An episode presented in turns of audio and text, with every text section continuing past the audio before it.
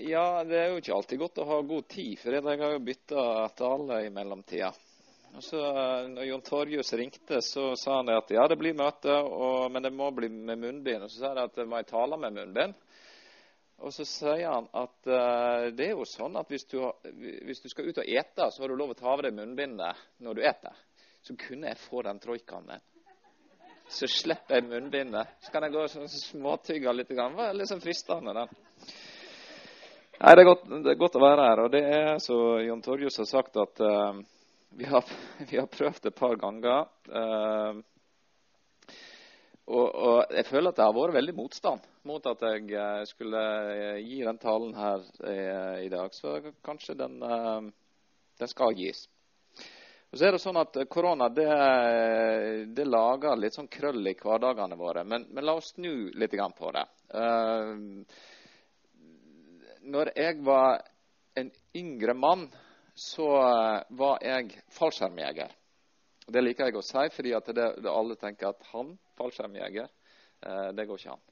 Men jeg var en av de spinkleste, svakeste. Eh, men jeg flau godt når de heiv meg ut av flyet, så det gikk bra.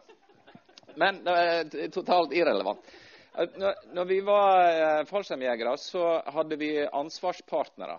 Sånn at Spesielt når vi skulle ut og hoppe, så uh, sjekka ansvarspartneren min at alt var pakka riktig og fallskjermen så bra ut. og Så snudde vi også, Han slo meg på skuldra, så snudde jeg meg, og så var det å sjekke. Og Det samme gjorde vi oppe i flyet før vi hoppa ut. Uh, min ansvarspartner har jeg kontakt med den dag i dag, uh, selv om det er nå to år siden jeg gikk ut av Putt et par nuller bak, så går det bra. Uh, og vi holder hverandre ansvarlig.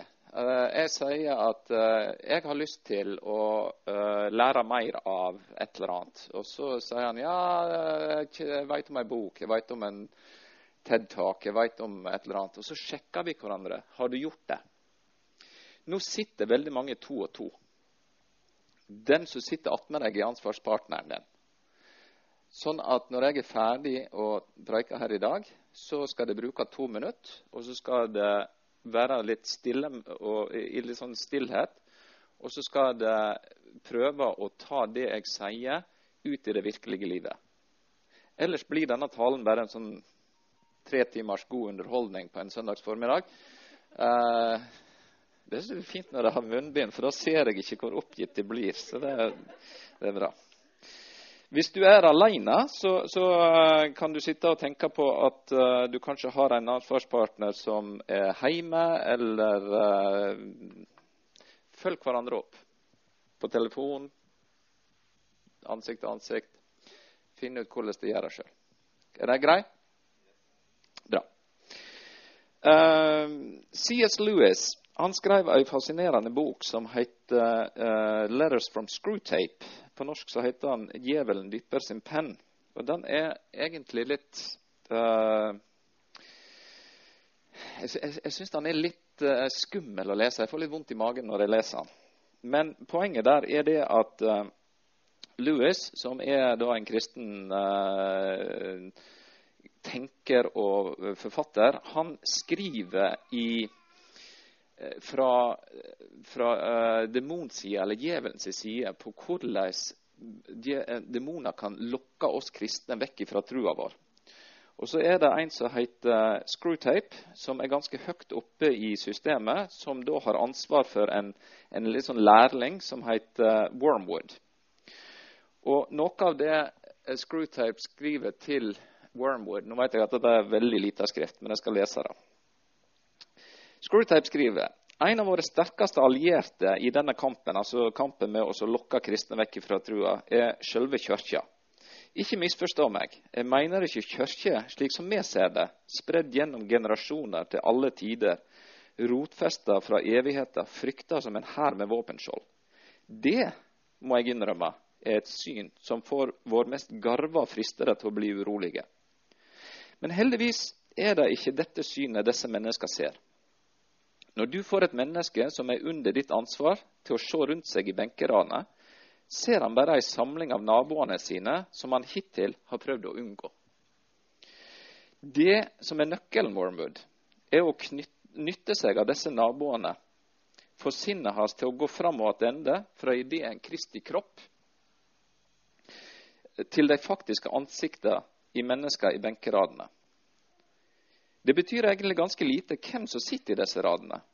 Du kjenner han kanskje som en mektig kriger fra den andre sida. Det spiller ingen rolle. Mennesket som du har ansvar for, er en tosk, takket være vår far fra underverden. Gitt av en av disse naboene synger ureint, har sko som knirker eller har dobbelthake, vil mennesket ditt enkelt begynne å tro at religion er latterlig. Og Det Louis prøver å, å, å male et bilde her, det er eh, skilnaden mellom eh, menigheten stor M, den universale menigheten, Kristi kropp, spredd gjennom generasjoner til alle tider, rotfesta fra evigheten, frykta som en hær med våpenskjold. Og den menigheten liten M, som består av program, møte, bygninger, benkerader, forskjellige retninger. Det, er litt sånn som Du kan si det at vi ser kroppene til hverandre, men vi ser ikke alltid sjela til hverandre. Menigheten stor M er som sjela vår. Den er der, den er reell, men, men er så, det er ikke den vi ser. Det vi ser, er den fysiske verden. Så jeg har lyst til å, å, snakke litt om menigheten Stor M, som vi alle er medlem av. Alle som er kjøpt fri av Kristi blod, er medlem av menigheten Stor M. Og Menigheten Stor M den kom som en, eller starta som en overrasking for de første medlemmene. Og Visjonen til menigheten Stor M kan komme litt sånn overraskende på oss. For ikke så lenge siden så sa en venn til meg at eh, ja, jeg tror på Gud og alt det der, men jeg har ikke noe behov å gå på møte, jeg går ikke i kirka. Og Så sier han at eh, du blir ikke hest med å gå i en stall.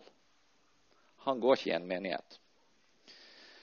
Og Det er litt sånn interessant, fordi at Jesus sa aldri 'gå til møte', 'gå i kirka'.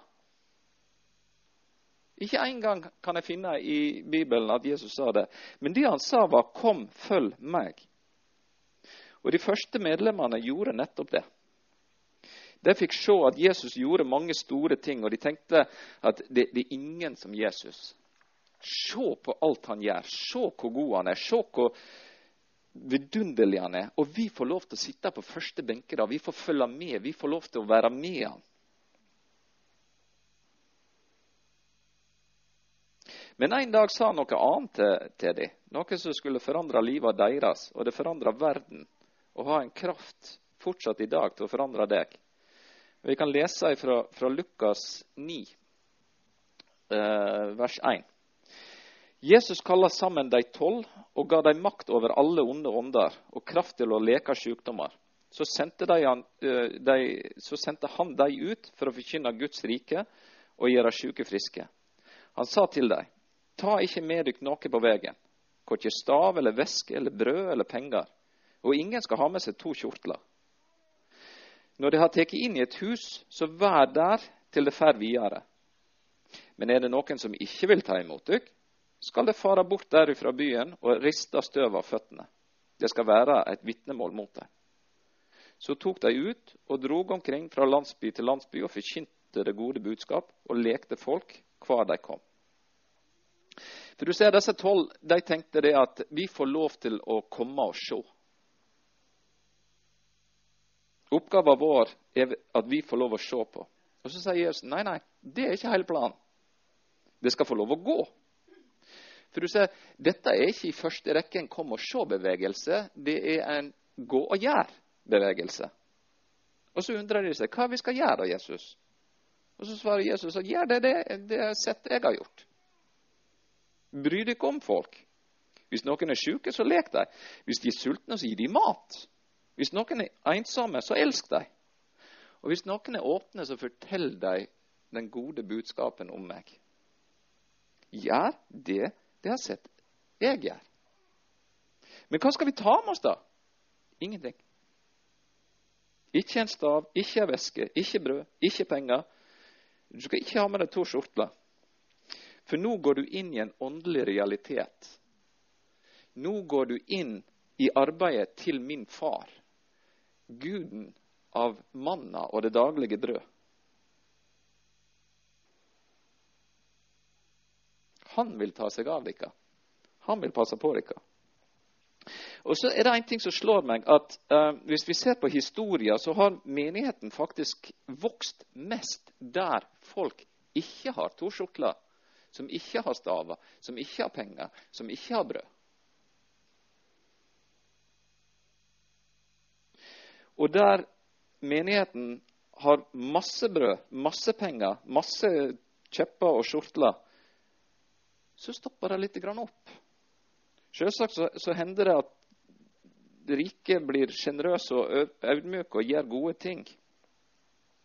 Men det er en viss fare for menigheten at når vi har så mye ressurser, så begynner vi å tenke det at uh, vi er selvforsynte. Vi greier oss. Vi har ikke behov. Vi har noe jobb, vi går nå hjem, vi har et trygt hus. Vi, det går nå greit. Og så begynner vi enda, tar enda et steg videre. Så tenker vi at tenk om, tenk om Gud uh, kunne vært på vår side. De, tenk, tenk, om Gud hadde hatt vår ressurs, vår tankekraft. Da hadde han vært heldig, da. Så snur vi det litt på hodet. Og vi har masse penger, masse brød, masse kjepper. Og så er det fort at pga. vi har det, så går vi litt glipp av menigheten stor M, spredd gjennom generasjoner, til alle tider, rotfesta fra evigheter, frykta som en hær med våpenskjold. Disse tolv her de tar ikke med seg noe. De har ingenting å ta med seg, så det var jo enkelt for dem. De går, de gjør, de går fra landsby til landsby. De forkynner ordet, de leker sjuke, de ber. Og så i vers 10 eh, av kapittel 10 så kommer apostlene tilbake og fortalte Jesus om alt de hadde gjort. Og det er alt Bibelen sier av en samtale som har vært ganske fascinerende. Jesus, Jesus, du må høre dette! Peter forteller. Johannes forteller. Thomas, husker det han? Det tviler jeg på. Judas forteller. Og så forteller de om hva de har opplevd, hva, hva, hva de har sett, hva, de, hva som har, Gud har brukt dem. Kanskje de forteller om ting som ikke gikk så bra. Hvis de ble avviste. Vi måtte riste støvet. Når vi kom inn i det huset, så måtte vi nok dessverre riste støvet, sånn som du sa. Kanskje de overdriver litt for å få ting til å se litt bedre ut. Sammenligner seg med hverandre. 'Jeg helbreder fem.' 'Å, jeg helbreder seks.' Altså, det er liksom menneskelig natur å skryte. Men resten av kapittel 9 inneholdt historier som gikk galt. Historier der læresveinene ikke gjorde det bra i det hele tatt. Det er som om Lukas vil fortelle oss at Gud krever ikke perfekte mennesker, perfekte kristne, for å få dette til. Det er en historie der om en far som har en besett sønn, og læresveinene eh, skal be for ham, og de får ikke det til. Videre så vikler de seg inn i en diskusjon om hvem som er størst. Og, og Noen samaritanere de vil ikke ta imot dem. Og Da kommer læresveinene med forslag til Jesus at skal vi, skal vi be ild komme ned fra himmelen og brenne dem? Og Jesus må irettesette dem og si at nei, jeg er ikke kommet her for å ta liv, men å gi liv. Og Det er som om Lukas hamrer leseren inn og Poenget er at fallen natur, utålmodighet, barnslighet, uvitenhet, det diskvalifiserer deg ikke for å bli medlem av denne gå og gjør. Uansett hvor lite verdig, hvor dårlig utrusta du kjenner deg, hvor mye du har lyst til å være i Kom og se, så er du kvalifisert til å bli med i Gå og gjør. Og Jesus ønsker at du skal gå fra Kom og se til Gå og gjør.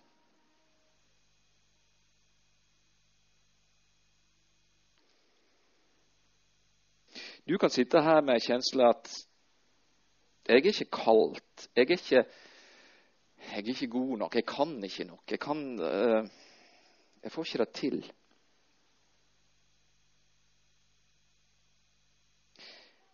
Men da er du på, på linje med disse her elleve her, som roter seg inn i forskjellige ting. Akkurat som vi roter oss inn i forskjellige ting. Og Jesus sa ikke 'jeg leter etter perfekte tilskuere som kan en gang i uka komme til en bygning og komme og se'. Han sa ikke det. Jeg leter etter etterfølgere som er villige til å gå og gjøre. Og noen gjorde, og noen starta. Noen starta uh, uten noe som helst. Uten penger, uten væske, uten staver, uten ekstra skjortler. Og du, kan, du, må tenke litt på hva, hva brukte de staven til? Jo, de brukte den til å, å holde vekke uh, ville dyr. Det var en trygghet. Og hva er det vi bruker trygghet på? Altså, Hva er det vi tar trygghet i? Det er vår stav. De gikk, og det berørte en hel verden. Og de starta noe som spredde seg gjennom generasjoner, gjennom alle tider, rotfesta fra evigheten, frykta som en hær med våpenskjold. Noe det menneskelige øyet ikke kunne se. Så i Lukas 10, vers 1, så tok Herren ut 72 andre og sendte dem ut føre seg, to og to. Og det er der ansvarspartneren kommer inn til hver by og til hver bygd som han sjøl skulle til. Og han sa til dem, grøda er stor, men arbeidsfolk er få. Be da han som er herre over grøda, at han må sende ut arbeidsfolk til å høste inn grøda si. Gå av sted. Jeg sender dykk som lam mellom ulver. Ta ikke med dykk pengepung, ikke væske, ikke skor, og helst ikke på folk på veien. Og det har aldri vært noe visjon som dette. Det er, det er, ingen som har tenkt på dette her før, før Jesus sier det. For Jesus utvider kjernen. Først så tar han ut tolv. Og når folk på Jesus tid hørte ordet tolv, så tenkte de på de tolv stammene av Israel. Ergo Gud kan bruke de tolv stammene av Israel. Gud bryr seg om Israel. Nå tar han ut 72. Og det tallet er heller ikke tilfeldig. I første Mosebok, kapittel 10, så er det en overskrift i Bibelen din som står uh, lista over nasjonene, eller nasjonslista. Og i den greske oversettelsen, Septuagen, vet du hvor mange nasjoner som er lista i den lista der? 72. Gud har, Gud har, omsorg for Israel. Han bryr seg om Israel. Han kan, han kan bruke Israel. Og så tar han ut 72 som er et klar indikasjon på at han bryr seg om alle andre som ikke er israelitter òg. Han bryr seg om hele verden. Han kan bruke hele verden. Han har omsorg for hele verden. Så han tar de 72, og så utvider han visjonen til å dekke hele verden. Og bare til opplysning her sitter vi 2000 år seinere i Indre Sogn denne lille gruppa, uten kjepp, uten væske, uten ekstra kjortler, ingen perfekte mennesker, men Gud sender de ut til verdens ende. Og Indre Sogn er verdens ende. Jeg vet vi tenker at vi er ganske sentrale her, men, men vi er så langt vekk ifra Gud så oss. Det har aldri eksistert noe før eller siden som er denne visjonen. Og Matteus forklarer videre hvorfor dette her er så viktig for Jesus. I kapittel 9 i Matteus sier han at da han så alt folket, fikk han inderlig medkjensle med dem. For de var forkomne og hjelpeløse som sauer uten gjeter. For det er akkurat det mennesker uten Jesus er. De er rådville. De leiter, de søker, de jobber seg i hjel. De, de, er forkomne sauer uten gjeter. Da sa han til disiplene grøda er stor, for Jesus ser alle mennesker til alle tider. Grøda er kjempestort. Problemet er ikke høsten. Problemet er ikke grøda. Problemet til Jesus er at han har for få arbeidere. Be da Han som er herre over grøda, at han må sende ut arbeidsfolk til å høste inn grøda si. Og Legg merke til at Jesus ber ikke for apostler, han ber ikke for åndelige kjemper, han ber ikke for, uh, for prester, han ber ikke for uh, folk som kan gå på kampanje. Han ber for arbeidere. Ganske enkelt, simple, ukvalifiserte arbeidere.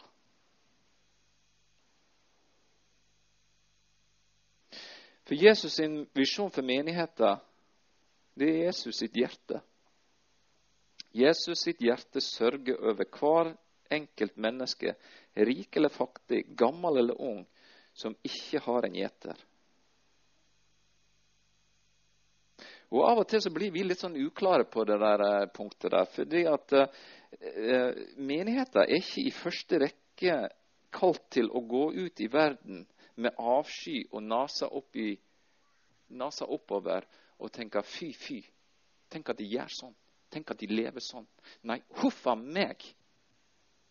Det er ikke det som er visjonen for Jesu menighet. Eh, visjonen til menigheten er ikke i første rekke å demonstrere og gå i rette mot alt som er galt. Men det er faktisk å gå ut med medkjensle som en gjeter elsker sauene sine, og som fører dem fram til stille vann. Så han sender ut et 72. Og så sier han jeg vil ikke at du skal gå på egen hånd. Guds menighet det er ikke en gruppe med soloartister. Det, ikke, eh, det består ikke av superstjerner som, som, skal gjøre dette her på egen hånd. Det er ikke et individuelt arbeid, det er et samfunn. Det er en familie. Så han sender de ut to og to. Og Det hadde vært litt sånn artig å finne ut hvordan Jesus delte dem opp. Du går med deg, og du går med eh, fordi at når, når, du er ute på turné med folk, når du er på leir og du må bo på rom med, folk, så blir du veldig godt kjent med dem. Noen snorker, noen tygger med maten oppe. Det er et sånn kjempedebatt på, eh, hjemme hos oss. Smatting ved bordet. Du, du, kommer innpå folk, de gnisser deg. Du blir litt sånn irritert. Altså, hvordan skal du greie dette her to og to? Jo, du må elske den andre. Du må elske den andre, og du må være tru mot visjonen. Hva er det vi driver på med? Hva er det som er viktig? Jo, det er å føre sauer fram til gjeteren. Det er å få inn grøden. Så jeg elsker deg. Jeg overser knirkingene dine. Og så sier han hils ikke på folk på veien. Og det virker jo veldig uhøflig, da. Hæ? Det, det, det, høres veldig ukristent ut. Skal ikke hilse, bare gå. Gå forbi dem. Men det, dette her er litt kulturelt. For i Midtøsten, så når du kom, kom inn i en hilsing, så var det en ganske sånn lang og innfløkt greie. sånn at når du først begynte å hilse på noen, så ble du værende der en stund. Eksempelvis. Jeg er en introvert, tro det eller ei i sosiale sammenhenger utenfor uh, for, uh, altså komfortsona mi, uh, så oppfører jeg meg helt annerledes enn det jeg gjør hjemme. Når jeg er hjemme, så sier jeg nesten ingen verdens ting. Så når kona mi spør hvordan har dagen din vært, da, så prøver jeg å sammenfatte ganske mange timer med ett ord eller mindre. Helst vil jeg lage en lyd. Mm og så vil jeg at hun skal skjønne hvordan dagen min har vært. Hun er stikk motsatt. Så hvis jeg spør hun om hva, hva, som skjedde, så bruker hun faktisk lengre tid på å forklare hva, hva som skjedde, enn den faktiske hendelsen tok. Det er det Jesus vil at vi skal unngå. Ikke vikle deg inn i ting som ikke er nødvendig. Ikke kast vekk tida di. Vær fokusert. Og, og når han sier 'ikke hels på noen på veien', så er det dette er viktig. Dette trumfer alt annet. Det er dette du skal bruke tida di på. Det er ikke sånn at min visjon er litt sånn herre Ja, du kan velge. Ja, hvis du har tid til overs, så, så Hvis det ikke er for brysomt, kunne du ha ført sauene til meg. Han sier dette er det viktigste. Og når du har gjort det, så kan du kanskje helse på folk. Da kan du bruke tid på ting. Det er ikke at Jesus vil at vi skal være uhøflige. Det er ikke hils folk på veien. Det betyr dette her brenner. Det er dette som er viktig. La ingenting komme i veien for det. Og når han bruker be grødens herre om å sende folk ut, så er ordet der å sende ut, eller det å få arbeidsfolka ut, det er det samme ordet som blir brukt når Jesus kaster demoner ut av mennesket. Spreng arbeiderne ut! Kast de ut! Misjonær er det samme grunnordet som på engelsk er denne missile, altså rakett. Misjonærene skal skytes ut av menigheten. Spreng arbeidere ut. Kast de ut i høsten. Det er en sånn mm, Du kan føle hvor, eh, hvor Jesus sier at dette er viktig.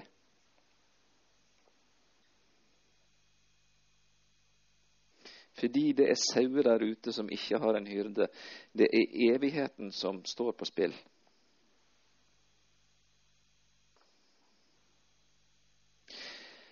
Og Jeg må ærlig innrømme at jeg forstår ikke menigheter som blir sjøltilfredse, som har nok med seg sjøl, og som begynner å krangle om interne filleting, om synger vi for mye på engelsk, eller eh, Når jeg var i USA, så, så var det eh, diskusjon om Kellers eh, oversettelse av Bibelen, om det var King James eller uh, New International. Og, og det, menigheter splitter jo på grunn av uh, Og så er det sauer der ute som ikke har hyrde så er det grøde som går tapt.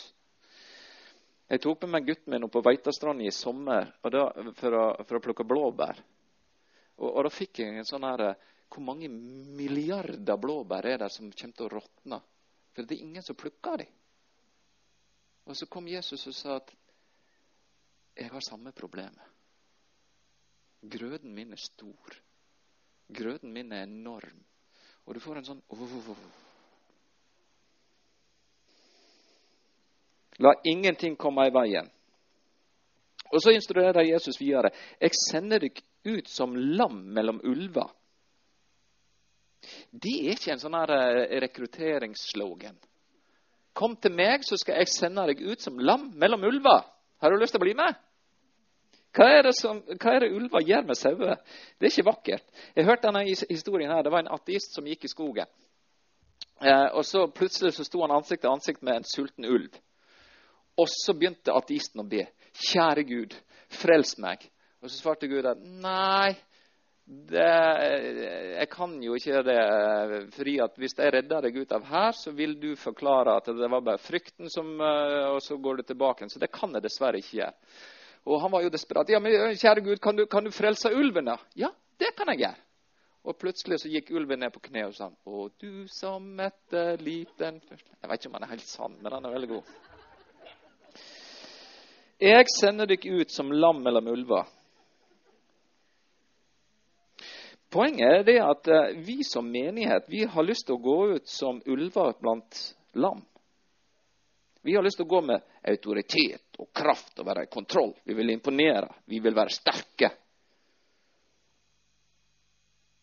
Men Jesus sa aldri det.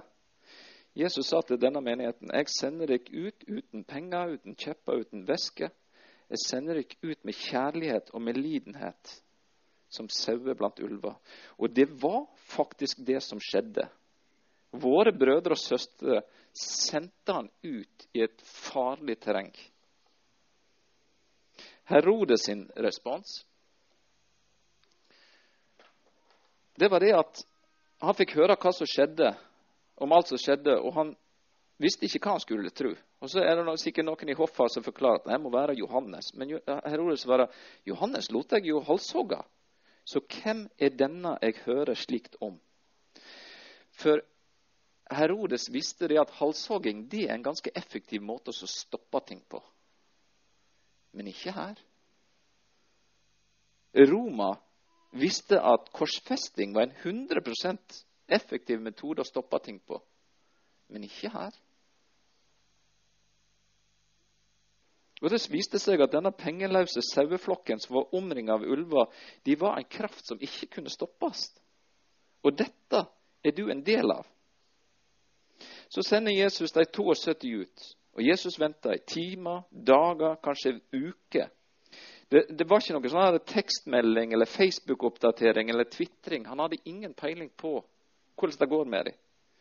Og så ser vi i Lukas 10 så sier han at, eh, Der står det at de 72 kom tilbake med glede og sa Herre, til og med de onde åndene lyder oss når vi nevner navnet ditt. De kom hjem med glede. Det å komme og se, det var fint. Men det å gå og gjøre i Jesu navn, det var utrolig. Og så svarer Jesus deg med glede at 'jeg så Satan falle ned fra himmelen som et lyn'. Noe skjedde som læresveinene ikke fikk med seg, som det menneskelige øyet ikke kunne se. Og Av og til så har vi en tendens til å bli litt sånn blinde av å bo i et trygt land som Norge. Vi ser ikke den åndelige dimensjonen med, med, det gode og det onde. Men plutselig så skjer 22. juli, og så skjer brutaliteten på Kongsvinger. Og så ser vi hvor vond denne verden kan være.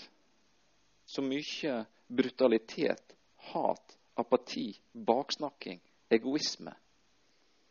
Og Jesus her bruker han eh, sånn gammeltestamentlig språk. Han sier at mørket og det vonde blir bretta til sides. Det blir bretta vekk, det blir satt i bånd, det blir satt i karantene. Helvete skjelver fordi at menigheten er på frammarsj. Og denne vesle saueflokken som gikk inn blant ulvene, de får et innblikk i Jesus sitt hjerte. For i samme stund så jubla han i Den hellige ånd og sa, 'Jeg lover deg, far, Herre over himmel og jord.' Han gjorde et lite eksperiment med de tolv. Så gjentok han det med de 72. Og konklusjonen er klar. Dette virker. Min jobb er ferdig. Jeg kan gå mot korset. Jeg kan gjøre forsoningsofferet. Disse kommer til å greie seg. Det som skjer der oppe, kan skje her nede. Og mørket og det vonde kan bli bretta tilbake. Så snudde han seg mot disiplene. Og så sa han, sele er de øyne som ser det, for jeg sier dere, mange profeter og konger ville gjerne sett det som de ser, men fikk ikke se, og høre det som de hører, men fikk ikke høre. Og hva var det de fikk se og høre? Jo, de fikk se og høre menigheten spredd gjennom generasjoner til alle tider, rotfesta fra evigheta, frykta som en hær med våpenskjold.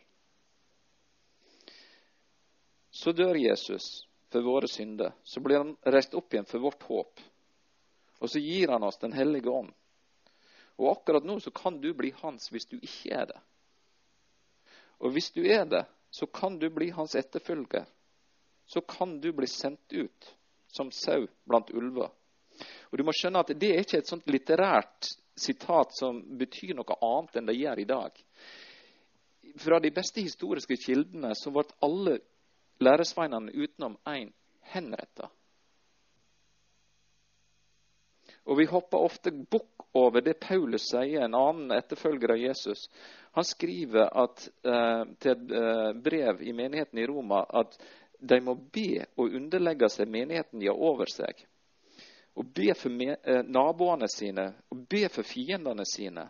Hvem er det de har over seg? Jo, de har en keiser som heter Nero som skylder på de kristne når han sjøl brant ned Roma, etter de beste historiske kildene. Nero kasta kristne i fengsel. Han dynka de i tjære og satte fyr på dem for å lyse opp gladiatorkamper. Og Paulus sin eh, respons er be for ham. Elsk ham. De var bokstavelig talt sauer blant ulver. Og Nero gjorde sitt aller beste til å stoppe denne her bevegelsen. Men jo mer han gjorde, jo mer vokste han. Og Gjennom mange hundre år så spredde kristendommen seg sånn, alltid med en høy finansiell og sosial prislapp, ofte gjennom forfølging. Helt til det tredje århundret. Da kommer det en keiser som heter Konstantin til makta. Og han blir kristen. Og over natta så blir kristendommen Det går til kristendommen fra å være ulovlig til å bli statsreligion. Og du skulle tenke at det var gode nyheter. Og det førte nok sikkert til en god del positive ting. Men det skjedde òg noe at nå var det lett å være religiøs.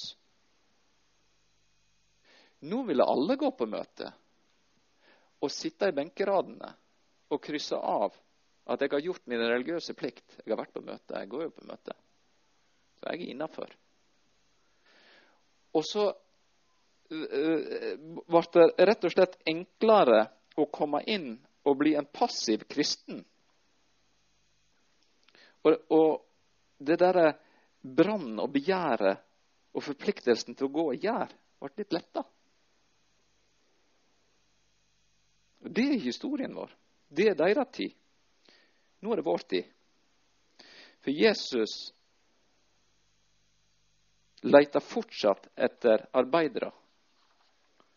Arbeidere som ikke hilser på folk på veien, som ikke tar trygghet i pensjonssparing, inntekt, men som går i kraft av Jesus. Og det kan være forskjellige ting. Det betyr ikke at du skal si opp jobben din. Det kan godt være det at du skal være en misjonær på jobben din. Det betyr ikke at du skal slette bankkontoen din. Men det er ikke der du skal ha tryggheten din. For Jesus lovte oss aldri trygghet. Han lovte oss tvert imot at det er lam blant ulver. Og så vil han at du skal begynne å gå.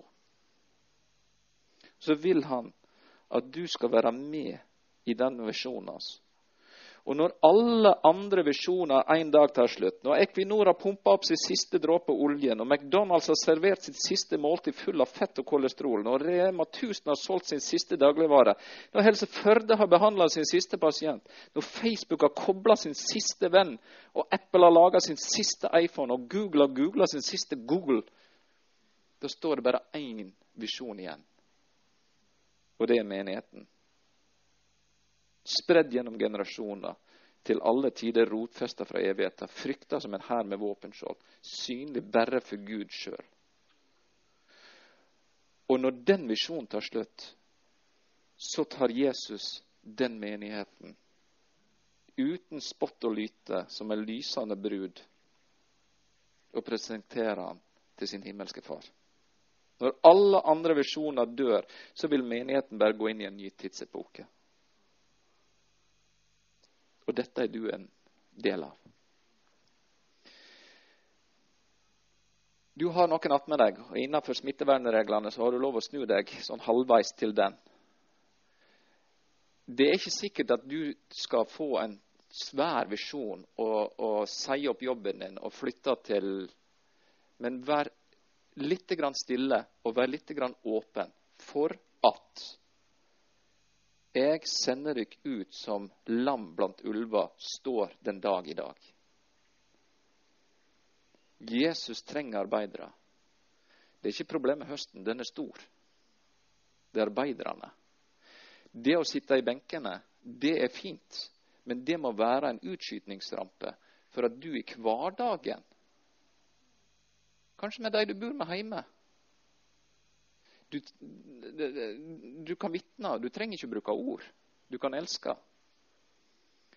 Sitt i to minutter i stillhet. Og hvis det kommer noe at 'dette kan jeg gjøre', så forteller du det til ansvarspartneren din, og så heller vedkommende deg ansvarlig, som sjekker inn på deg. Har du fått gjort det? Har du tatt steget? Og vice versa. Kjære Gud, jeg takker deg fordi at uh, du kan bruke oss. Jeg hadde valgt noen andre. Men i din kjærlighet, og fordi at du er fullkommen, så kan vi. Ene og alene. Herre, Jesus, gå til din far og be han sende arbeidere ut i sin høst. I Jesu navn. Amen.